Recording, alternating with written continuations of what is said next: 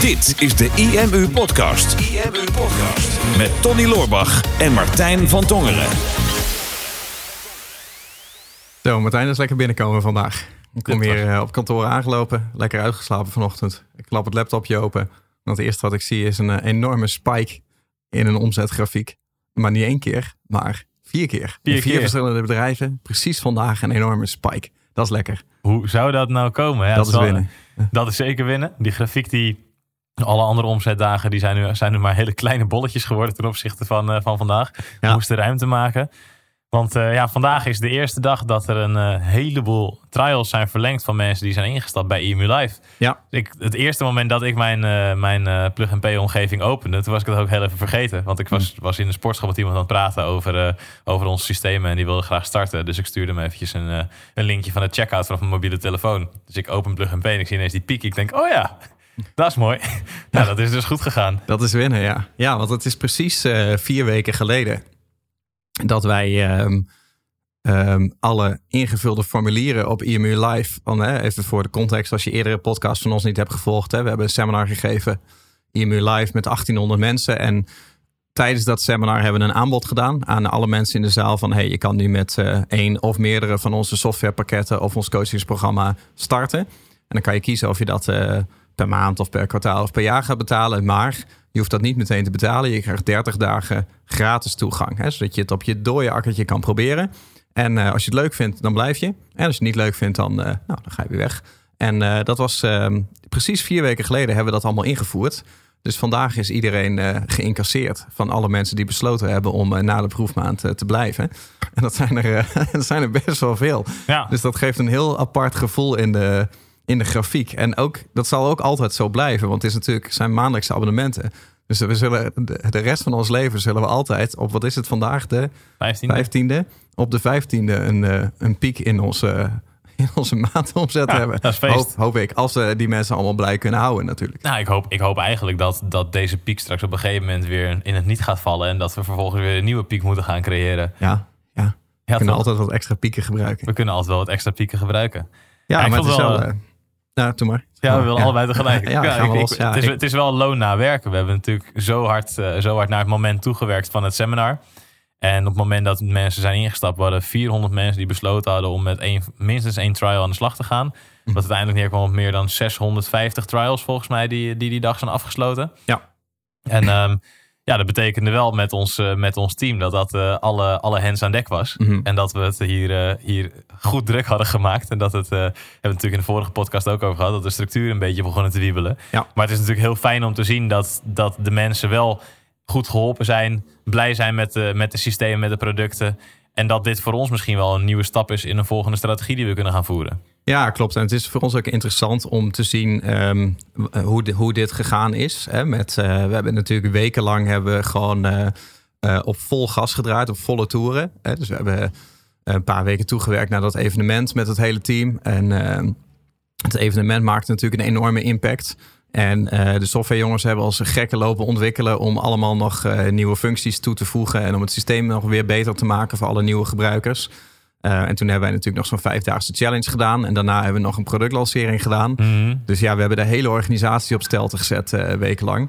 Ja, anders ga je gewoon lekker Ik ga zitten. gewoon even whatsappen. wachten. Het is ook niet interessant wat ik aan het vertellen was. Nee, ik vond het helemaal niet nee, interessant. gewoon lekker door, joh. Ik klik hem hier tussendoor ook stiekem mee uit. ja, jij maar anders ook even weg.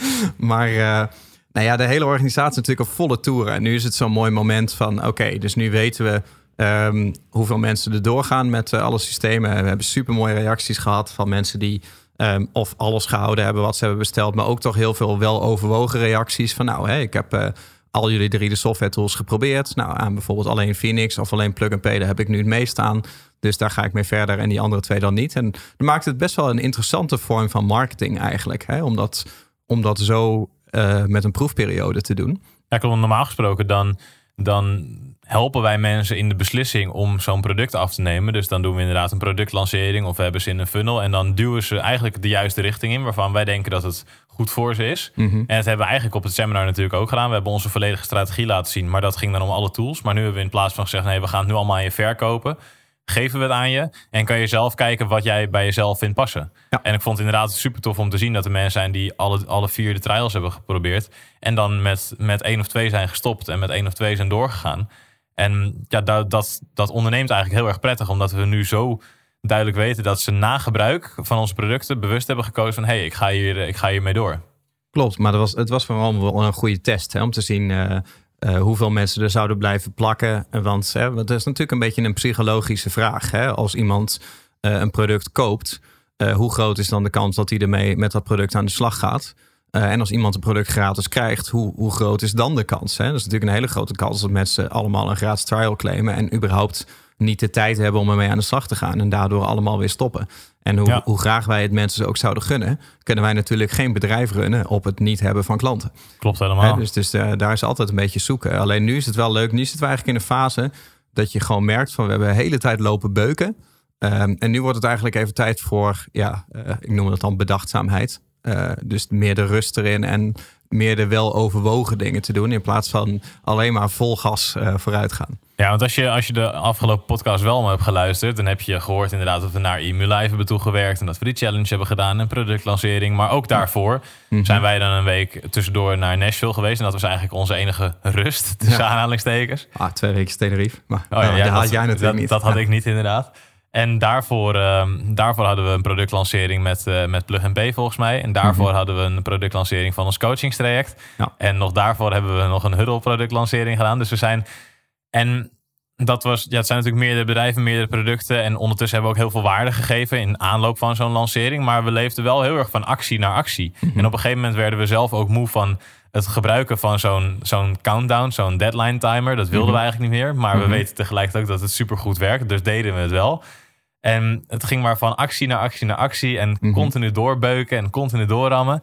En voor mij was het zo, na die eh trialperiode, dus inderdaad de challenge en de productlancering en de trials die lopen, nou die worden dus vanaf vandaag en morgen worden die allemaal, eh, worden die allemaal verlengd. Ik had nog een, eh, ik ben vorige week, anderhalf week terug is dat alweer, ben ik naar New York toe geweest. Mhm. Dat was voor mij echt, nou, na New York is eigenlijk mijn agenda leeg. En weet ik ook even niet wat, wat we precies voor actie gaan doen. En we hadden ook allebei al met elkaar besloten van we gaan ook niet meteen weer, weer een actie doen. Maar het wordt nu eens even kijken van wat hebben we allemaal losgemaakt in de organisatie. En waar willen we de komende periode aan gaan bouwen. Wat niet voor nu een mooi resultaat geeft, maar wat straks over drie maanden een mooi resultaat geeft. Over een half jaar een mooi resultaat geeft. Maar eigenlijk ook over een jaar of over meerdere jaren resultaat geeft. Ja. ja, maar het zit, het zit natuurlijk vaak in de, in de lange termijn, korte termijn afwegingen. Ja, Ehm, en ik denk dat het goed is, wij hebben die balans altijd wel gehad. We hebben altijd een, een periode van beuken, volgt altijd door een periode van bedachtzaamheid. En dat is dan nu weer. Maar je merkt ook wel dat je gewoon. ehm, dat, dat je systeem er niet altijd goed tegen belast is. Ik denk wel dat het goed is om af en toe pieken te hebben. Ik denk ook dat het goed is om af en toe deadlines te hebben en jezelf dingen op te leggen. Maar ik weet niet of jij het gemerkt hebt, maar ik had na het evenement. Ehm, ik had zeg maar een soort van euforie eh, gevoel hè, toen het event geweest was. Dat het, dat het goed, zo goed gelukt was. Mhm. Maar ik was ook een beetje leeg. Ja. Hè, omdat mijn hele lichaam zich natuurlijk opgeladen had om daar dan één dag te, te shinen. En eh, ik bedoel, ik heb de parkeerplaats zo'n bij- zo'n beetje niet eens gehaald. Want ik lag er echt helemaal vanaf. ja, dat is klaar. ja, dat is helemaal Ja. klaar. Ja. Volgens mij kreeg jij zelfs mensen naar je toe die zeiden van... het gaat niet zo goed met Tony. Ja, of wel? klopt. Ja. Maar eh, nou ja, goed, het was redelijk snel hersteld. Maar ja, toen dan weer meteen vol opgeladen voor zo'n vijfdaagse challenge. Ja, ook met heel veel plezier gedaan. Maar ik merkte ook wel dat ik een beetje vermoeider werd. Dat ik een wat korter lontje kreeg. En eh, heel eerlijk gezegd dat ik het ook wat minder leuk vond allemaal. Mhm. Ehm, en in de productlancering weer. Hè, toen moesten ook, we moesten weer video's en we moesten weer mails sturen. En we moesten weer iedereen op de hoogte houden. Weer met tellers werken. En, ehm, ik werd er een beetje down van. Hè? Dus, dus na zo'n zo'n periode van een ultieme high... ehm, heb je altijd een beetje dat down gevoel. Ja, En de andere podcast met, eh, met Albert hadden we het over de, het eh, post-astronautisch stresssyndroom. dus hè, op het moment dat je bijvoorbeeld astronaut bent en je, je werkt er je hele leven naartoe om bijvoorbeeld de ruimte in te gaan, wat maar voor heel weinig is weggelegd, dat op het moment dat je daar dan bent geweest, er zijn heel veel astronauten die dan terugkomen op aarde, die zijn daarna een beetje depressief, een beetje down. Hè, want je hebt het hoogst haalbare heb je gehaald. Eh, en daarna is alles wat je nu krijgt, is even niet meer te vergelijken. het is een stuk minder spannend, een stuk minder avontuurlijk. Ja, dus en, en wij hebben dat natuurlijk ook gehad. We hebben ons echt, echt een hele lange tijd weer zo hard opgevoerd om van, van actie naar actie, van deadline naar deadline en constant op die instant gratification te gaan zitten. Klopt. Uh, en, en nu is het eigenlijk even een leegte. En die kunnen we heel makkelijk weer opvullen met weer een webinar of weer een actie of weer iets unieks. Maar uh, het is ook wel lekker om dat even weg te laten. En om gewoon aan structurele processen op de achtergrond te gaan bouwen. Ja, klopt. En dat zijn de wat, de wat grotere projecten vaak, die ook grote impact kunnen hebben op het volledige business. En ik had, ik had dat gevoel gisteren eigenlijk voor het eerst. Want jij bent natuurlijk iets meer, uh, iets meer afwezig vaak op kantoor. Mm -hmm. Iets meer aan het, aan het bouwen op de achtergrond. En, um, en ik ben, ben wel hier vaak gewoon in het team. Dus midden in het team zijn er vaak wel genoeg dingetjes nog die, die behandeld moeten worden. En zeker omdat er zoveel nieuwe klanten zijn gestart, zijn er altijd wel een aantal uh, unieke cases waar, waar ook even mijn licht over geschenen moet worden. En afgelopen week kwam ik dus terug van vakantie. Dus waren, waren nog best wel een paar dingetjes waar, waar ik voor nodig was. Dus nou, ging ik mensen daarbij helpen. Maar ik had gisteren voor het eerst dat ik niks hoefde te doen. Mm. Dus yeah, welcome was, to my world. Ja, dus toen zat ik ineens oké, okay, er zijn zoveel vette projecten waar ik aan wil gaan bouwen. En zoveel vette projecten die ik kan gaan doen. En daar wil ik eigenlijk allemaal mee aan de slag gaan. Maar er is niks wat ik snel, snel af kan maken. Of wat nee. nu echt urgentie heeft. En toen mm -hmm. voelde ik inderdaad even zo'n leegte van ja, ik weet het even niet. En ik, ik kon ook niet echt de motivatie opbrengen om nu al aan een nieuw groot project te gaan starten of zo. Dus toen ben ik maar een paar kleine dingetjes gaan doen die er al heel lang lagen. Waarvan ik dacht, ja, die moeten ooit gebeuren. Kost me helemaal geen hersen, hersenpower, maar dan mm -hmm. doe ik, voel ik in ieder geval alsof ik nog iets goeds heb gedaan, weet je wel. Ja. En ik denk, ja, vandaag weet ik dan dat we die podcast op gaan nemen en dat ik een sollicitatiegesprek heb en nog een paar meetings hier en daar. Dat is dan voor mij gisteren ook een reden om niet in een groot project te storten. Omdat ik denk, ja, dan word ik weer onderbroken. Ja. En dat, dat zal ik morgen en vrijdag waarschijnlijk ook hebben. Want dan hebben we ook, een, hebben we ook weer wat meetings staan. En dan bij volgende week hebben we nog één seminar op de planning staan. Maar daarna is het 100% leeg. Dus eigenlijk ja. leef ik nu dan nog naar dat seminar toe van volgende week. Omdat we dan nadat dat ik na dat seminar eigenlijk gewoon 100% me echt kan storten inderdaad in zo'n groot project. Maar tot die tijd, die gaatjes tussendoor, die voelen als heel leeg. Ja, maar, maar dat is eigenlijk een voorbode van wat komen gaat. Hè? Want zodra je agenda straks leeg is, dat wordt geen leuke fase. Hè? Tenminste, zodra je de eerste week op vakantie gaat wel. Ja. Maar, maar daarna, en dat heb ik ook wel ervaren de laatste tijd, hè, op mijn thuiswerkdagen, dat ik ook dat had van oké, okay, er is dus nu even geen deadline. Er is iets, niet iets wat per se vandaag of morgen moet gebeuren. Dus de druk is eraf. Um, dus dan denk ik van, oké, okay, misschien moet ik het mezelf gunnen om dan even niet te gaan werken. Maar je zit nog zo in die gejaagde modus je moet echt gaan, gaan onthaasten. Um, en wat voor mij dan goed werkt, is om gewoon dingen te gaan doen uh, die zeg maar uh, structureel iets opleveren. Dus niet om de hele dag te gaan werken, maar gewoon te gaan kijken van oké, okay, wat zijn nou structurele processen waar we altijd wat aan hebben. En dan merk ik ineens hoe moeilijk het dat is. Net, jij noemt dat dan hè, een groter nieuw project, mm -hmm. wat er niet van komt. Um, dat is altijd een beetje angstig. En dat vul je vaak op met die, met die korte termijn dingetjes. Volgens mij, wij hebben het er ook wel eens over gehad. Volgens mij, Albert die zei dat tegen jou in, in Marbella, toen we daar met het team waren. Uh, ik weet niet meer precies hoe die het zei, maar volgens mij zei hij iets van: Martijn, je moet leren je orgasme uit te stellen. ja, klopt. ja, ik ben zo'n instant gratification monkey. ja, toen dacht ik van: Nou, hoe goed kennen jullie elkaar eigenlijk? ja, maar, uh, supergoed. nee, maar hij bedoelde natuurlijk van: hè, het, is, het is altijd uh, korte termijn geluk, maar dan misschien wel lange termijn pijn. Ja. Want je, je gaat van actie naar actie en alles moet altijd meteen resultaat opleveren. Hè? Dus uh, vandaag een e-mail sturen, morgen een e-mail sturen, donderdag deadline, vrijdag deadline oprekken, zaterdag reminder van de opgerekte deadline, hè, bewijzen van. um, en dan, dan zit je dus altijd in die jaagmodus. En dan ben je altijd aan het, aan het trekken aan mensen, maar ook aan jezelf. Ja. En doordat Vandaar je... het uitgestelde orgasme. Ja, ik, ik had verwacht dat je het zelf zou maken. Ik wilde er heel snel overheen praten. Ja. maar, uh, ja, maar echt altijd. Maar altijd. ik vind het ook storend, want ik heb een bureau tegenover jou. Ja, het, duurt, het duurt ook steeds langer. Ja, precies. Ja, ja, ja je bouwt weerstand op. Ja. Goed, dit gaat echt helemaal de verkeerde kant op. Gaan we maar, dit knippen? Nee, dat gaan we niet knippen. Nee, dat gaan we er niet uitknippen. Nee. Zonder wrijving geen glans, toch? Ze zeggen het, wederom. Maar, maar um, weet je, wat je, wat je eigenlijk doet, is, uh, en dat merk ik ook wel, door jezelf die, die, die korte termijn projecten en acties en deadlines op te leggen, geef jezelf eigenlijk een excuus om niet de structurele dingen in je bedrijf aan te pakken. Dus ehm, wij hebben bijvoorbeeld onze marketing funnels. Nou, die Mhm. staan niet zoals dat wij ze zouden willen hebben. Klopt. En eh, onze software, we hebben eigenlijk geen tijd om de processen zo te bouwen dat die software eigenlijk zichzelf verkoopt. Mhm. Want dat is een wat moeilijker proces. Dus daarom blijven we de hele tijd maar webinars geven en acties doen om in ieder geval die software te verkopen. Om Ja. maar even heel kort door de bocht te zeggen. En dat hebben we met, met hier op de werkvloer ook gezien. Hè? Zolang er stress is van ja, maar er moet een groot evenement georganiseerd worden.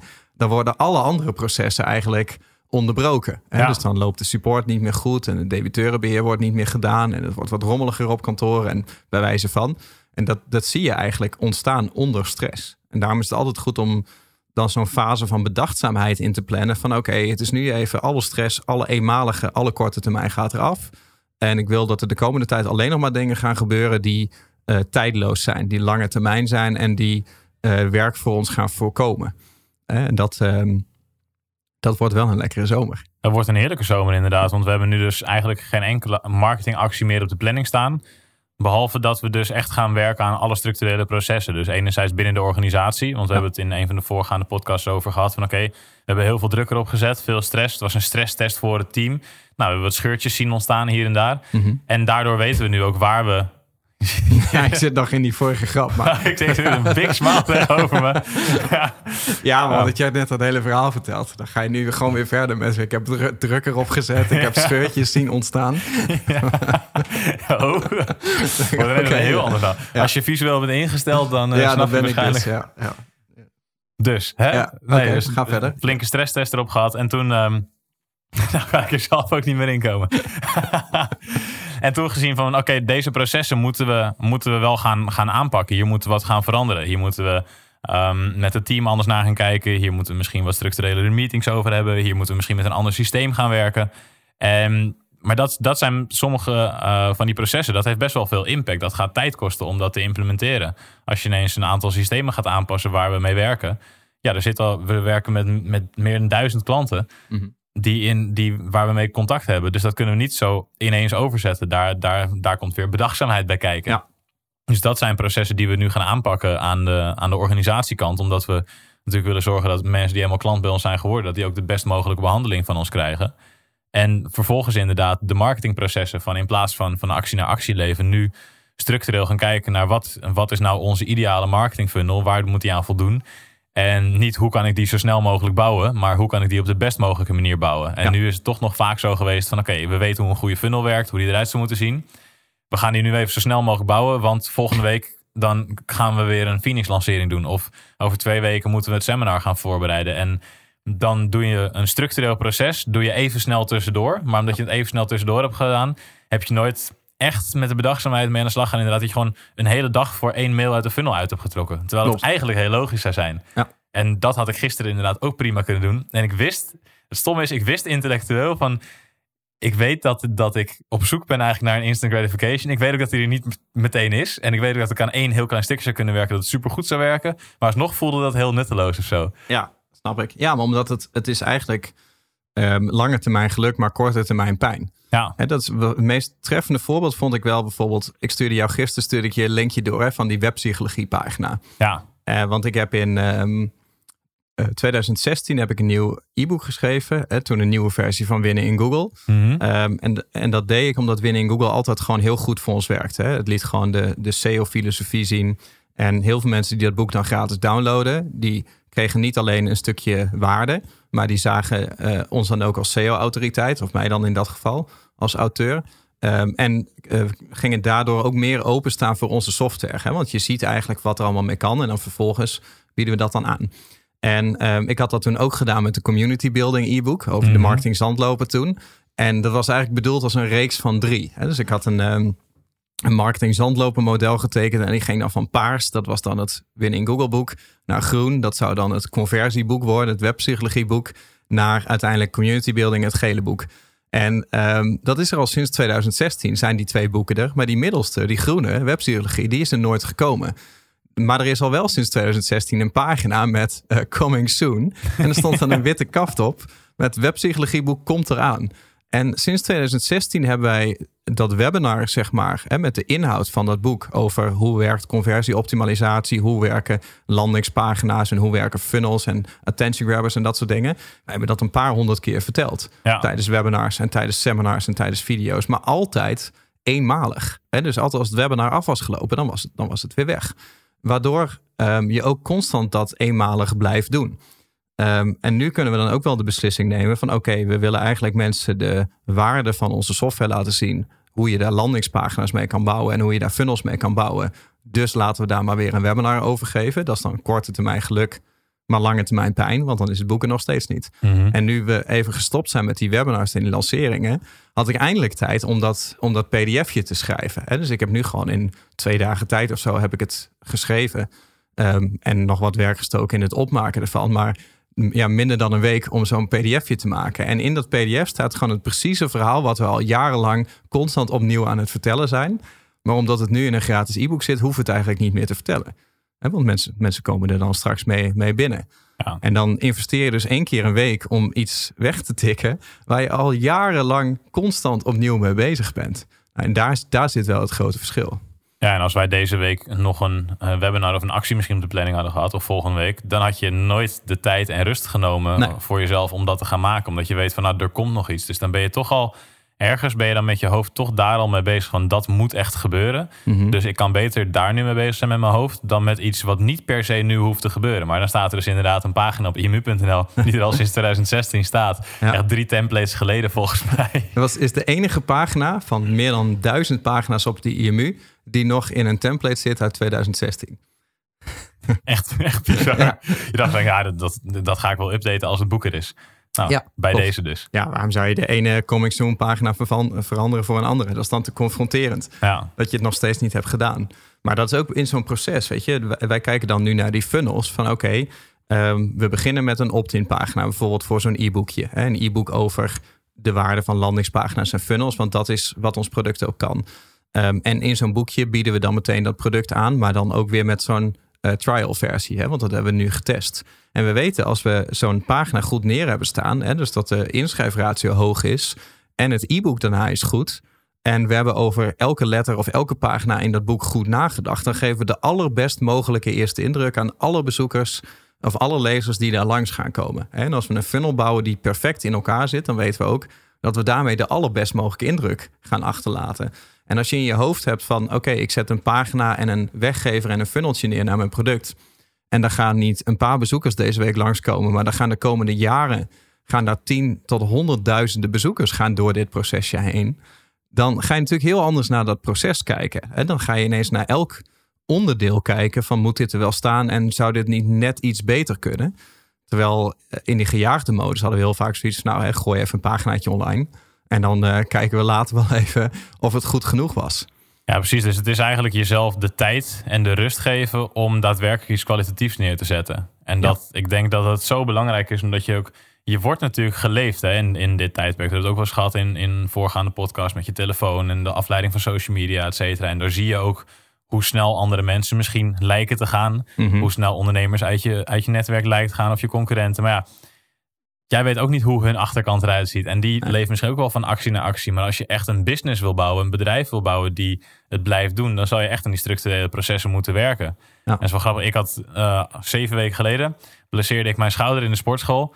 En eh, als je mij een beetje volgt op Instagram of zo, dan weet je dat ik, dat ik regelmatig naar de sportschool toe ga. En dat mijn favoriete oefeningen mijn borstoefeningen zijn. Dus dat ik lekker Ja. mijn borst kan trainen. En op een gegeven moment ging ik hangen aan, eh, aan zo'n rek om, om pull-ups te doen. En mijn schouder schoot half uit de kom. Mm. Schoot gelukkig ook meteen weer terug. Maar echt zo'n pijnscheut. Dus toen meteen gestopt met trainen.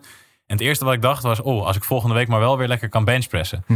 Dus Ja. denk ik, dacht, nou, ik moet wel weer mijn PR gaan verzetten van, Ja. van deze week. Dus ik de dag erna naar de fysiotherapeut. En de fysiotherapeut zei, nou, als ik het zo zie en zo hoor en, en hoe, het, eh, hoe het heeft gevoeld, denk ik dat je moet denken aan minstens zes weken hersteltijd. Ja. Toen dacht ik van, oeh. En dat was ook eigenlijk het moment, ja, ik ben heel lang van actie naar actie gegaan dan, dan met, met mijn lichaam. En nu moest ik ge- gedwongen dan herstellen. Mhm. Omdat mijn lichaam zei van oké, je hebt iets, eh, iets te hard je best gedaan. Mhm. En ik dacht, ja, ik kan nu het overhaast gaan doen. Dus weer zo snel mogelijk alle oefeningen proberen. Maar ik denk, oké, ik ga dit. Ik ken mijn lichaam niet zo goed als dat een fysiotherapeut het zou kennen. Dus ik heb braaf alle oefeningen gedaan die ik wel mocht doen. En braaf alle oefeningen niet gedaan die ik niet mocht doen. Mhm. En nu, zes, zeven weken later, mag ik alles weer doen. Nog niet op het gewicht waarop ik het eerst deed, maar ik kan in ieder geval alles weer gebruiken. Nu denk ik, oh, wat fijn dat ik mijn lichaam de tijd heb gegeven om te herstellen. Mhm. Want nu kan ik waarschijnlijk weer veel verder komen dan waar ik daarvoor was gekomen. Omdat ik even de tijd voor het herstel en de rust heb genomen. En die fysiotherapeut zei zelfs, nou volgens mij heb je zelfs al voor deze blessure een kleine disbalans gehad in je linker en je rechterzijde. Dus daar gaan we nu aan werken. Dus door die blessure is er weer iets anders aan het licht gekomen, waardoor ik nog meer kan werken. Een upsell doen natuurlijk. Die Ja. wil je als klant houden. Ja, wil zo me gaat ze gewoon weer een volgend probleem aan. Dus ja, oh, je kan beter klant blijven. Altijd doen, Ja, altijd een upsell doen. abonnementje erin. Maar, Ja, dat heeft ja. hij van mij geleerd. ja, dat snap ik wel, ja. Je ja, moet het toch ja. ergens over hebben als je een half uur in die stoel ligt. Ja, maar kijk, je, kan- je kan het dan, dan natuurlijk zien als van... nou, hey, ik ben genoodzaakt om rust te houden. Maar ehm, die, die balans die moet er inderdaad altijd zijn. Alleen ik denk dat we vaak te lang doorgaan met, eh, met rammen of met beuken dan. Ehm, ofwel omdat het zo goed gaat... en dat we dan niet durven toegeven dat het misschien wel nog beter zou kunnen... eh, met meer bedachtzaamheid. Want ik denk met bedachtzaamheid, hè, zoals wij het bijvoorbeeld business-wise doen. Wij kunnen met één hele goede opt-in pagina en één hele goede weggever en één heel goed aanbod en één goede specifieke advertentie daarvoor, kunnen wij onze business eigenlijk helemaal draaien. Ja. Maar we hebben natuurlijk een contentstrategie van heb ik jou daar. Hè, er gaan honderden blogs online en Heb video's. En, ja, ik heb ja, ja, ik Ja, had, ik ben regelmatig te zien nou, jij inderdaad. liep weg, maar ik dacht, ik heb je. maar ehm, nee, maar hè, gewoon een enorm uitgebreid iets. Dus we smijten echt met krachten, met webinars, met video's, met podcasten, met challenges, met events. En eh, het team groeit aan alle kanten. En het is heel gaaf om in die modus te zitten. Maar het kan je ook de illusie geven dat je niet sneller zou kunnen. Dus omdat je zo hard werkt en zoveel uren maakt en zoveel beuken, dat je daardoor op je allersnelst gaat. Maar dat is vaak niet zo. Want soms kan je met nog geen 10% van de uren ehm, veel meer rust en structurele processen kan je, kan je precies hetzelfde bereiken. En dat is natuurlijk de vraag die wij onszelf ook stellen. Van oké, we willen dit bedrijf eigenlijk keer 10 of eigenlijk nog keer 100 gaan doen. Wat moeten we dan doen? Ja, dan moet je niet keer 10 gaan werken. Want dat kan, dat kan fysiek gewoon niet. Nee. Met hoe- hoeveelheid uren die wij werken. Keer 100 kan ook helemaal niet. Dus er moet dan structureel iets veranderen in de manier waarop je business doet. En daar kan je alleen bij stilstaan. Daar kan je alleen over nadenken. En daar kan je alleen mee aan de slag gaan als je die rust neemt. Dus niet tussen de acties door. Niet tussen je marketingactiviteiten door. Je zal daar echt tijd voor moeten vrijplannen. En niet een paar dagen, maar eigenlijk een langere periode. Omdat je ook een aantal dagen nodig hebt om weer even te aarden. En te realiseren wie je bent, wie je was, wie, wat je ook weer deed. Wat je ook deed. En wat je ook weer van plan was. Ja. En pas vanuit die rust kan je pas echt daadwerkelijk aan iets constructiefs gaan bouwen. Ja, met name van hè, wat, wat doe ik en wat probeer ik nou precies te bereiken de komende tijd. Wij hebben het in een eerdere podcast ook wel eens over gehad van ehm, dat we dan mails aan het sturen waren en dat op dinsdag dat we al bezig waren met de mailing die er op donderdag en vrijdag uit zou moeten. Terwijl we die mailing van dinsdag nog aan, dinsdag nog aan het schrijven waren. Ik denk nee, je moet dan gewoon in het moment durven zijn.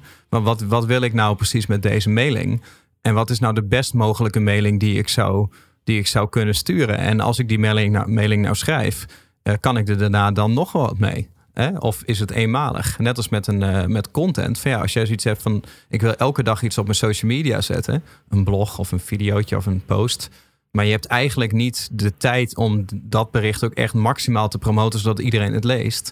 En dan leest maar een fractie van je achterban leest dat bericht. En daarna is het ook weer weg. Hè? Dan is het weer ver- verspilde energie. Ja. Terwijl eigenlijk van ja, als jij niet wil of niet overtuigd bent dat iedereen dit berichtje zou moeten lezen in jouw achterban, waarom zou je dat berichtje dan plaatsen? Dus, en dat is meer die bedachtzaamheid van oké, ik ga minder doen, maar de dingen die ik doe, die moeten structureel zijn eh, en die moeten effectief zijn. En ik denk dat, hè, wat ik net wil zeggen, dat we soms te lang doorgaan in dat beuken, omdat we denken dat dat het beste voor ons is. Nou, ik zit in de flow, dus ik ga maar harder door. En dan ga je vaak een beetje over je grens. En op het moment dat je dan stopt, dan krijg je dat gevoel wat ik net ook zei. Hè? Dan word je een beetje down. Mhm. Dan komt er een, een leegte die je niet meteen op kan vullen. Eh, met kleine dingetjes, maar eigenlijk alleen met grote structurele dingen. En die voelen dan een beetje te ver weg. Dus, dus dat is een angstige fase. En ik denk dat je helemaal niet die fase als angstig moet beleven, maar dat je een beetje moet omarmen. Nou, dit is gewoon een rustperiode, een herstelperiode waarin de dingen landen. Ehm, en waarin ik gewoon een, een volgende stap aan het voorbereiden ben. Hè, dus niet een stap terug, maar gewoon een aanloop voor weer een volgende fase van, eh, van beuken.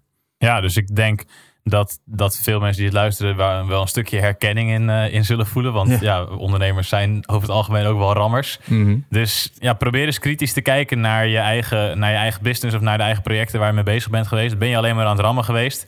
En zijn er een aantal dingen die structureel je business zouden verbeteren, maar waarvan je weet, ja, dat heb ik al heel vaak opgeschoven, maar dat is er nog steeds niet van gekomen hebben ze het lef om de komende periode te kijken en ergens een streep door je agenda te zetten. En gewoon minstens twee weken, maar eigenlijk minstens een maand door te strepen. Om aan dat structurele stuk van je business te gaan werken. En dan weet ik echt zeker dat als je die tijd, als je jezelf die tijd gunt, dat dat een enorme impact gaat hebben, waardoor je veel meer impact gaat maken. Ja, en als laatste toevoeging, maar misschien heb je dat er al uitgehaald, maar hè, durf uh, voor jezelf te accepteren dat uh, beuken en bedachtzaamheid dat dat hetzelfde resultaat kan geven dus uh, ze zeggen wel eens behouden vaart wint de race.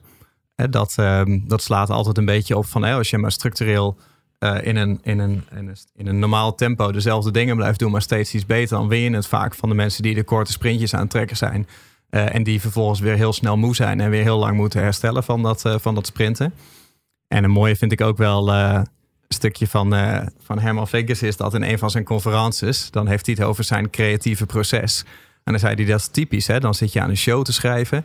En dan uh, soms dan zit je maar de hele dag te denken. En dan schiet je maar niks te binnen. En soms bereik je precies hetzelfde in nog geen vijf minuten. dat, en dat is natuurlijk een grap, maar het, het, is wel zo mooi voor die fase van, weet je, als je, als je klaar bent, dan ben je ook even klaar. En dan moet je jezelf ook helemaal niet forceren om de hele dag um, productief te moeten zijn of te moeten rammen of deadlines te moeten halen. Soms moet je juist even helemaal loslaten en de ruimte gunnen voor creativiteit uh, om het allemaal naar een hoger plan te brengen. IMU Podcast. Super tof dat je hebt geluisterd naar de IMU Podcast. Ik hoop dat je dit waardevol vond en dat je er inzichten uit hebt kunnen halen voor jezelf en voor je eigen business. Vond je dit nou een waardevolle podcast, dan zouden Tony en ik het heel erg waarderen als je dat zou willen delen. Enerzijds door dat bijvoorbeeld te delen via je eigen Instagram of via LinkedIn. Door een screenshot te maken van je telefoonscherm en ons daar even in te taggen. Maar wat we nog meer zouden waarderen is als je de tijd en moeite zou willen nemen om een review achter te laten. Werk je met een Apple-telefoon, dan kan je dat doen binnen je eigen podcast-app door daar een review te geven. Geef ons een x aantal sterren met daarbij een korte motivatie wat je van onze podcast vindt. Zouden we echt enorm waarderen als je die tijd zou willen nemen. En werk je met een Android-telefoon, dan zie je dat, daar, uh, dat de meeste apps geen review-mogelijkheid hebben. Wat we dan heel erg zouden waarderen is als je op Google IMU zou willen intypen en vervolgens via de Google Review-sectie iets zou willen vertellen over de IMU, wat je van ons vindt en wat je aan onze podcast hebt gehad. Alvast heel erg bedankt en ik hoop natuurlijk dat we je volgende week weer mogen verblijden met een volgende aflevering van de IMU Podcast.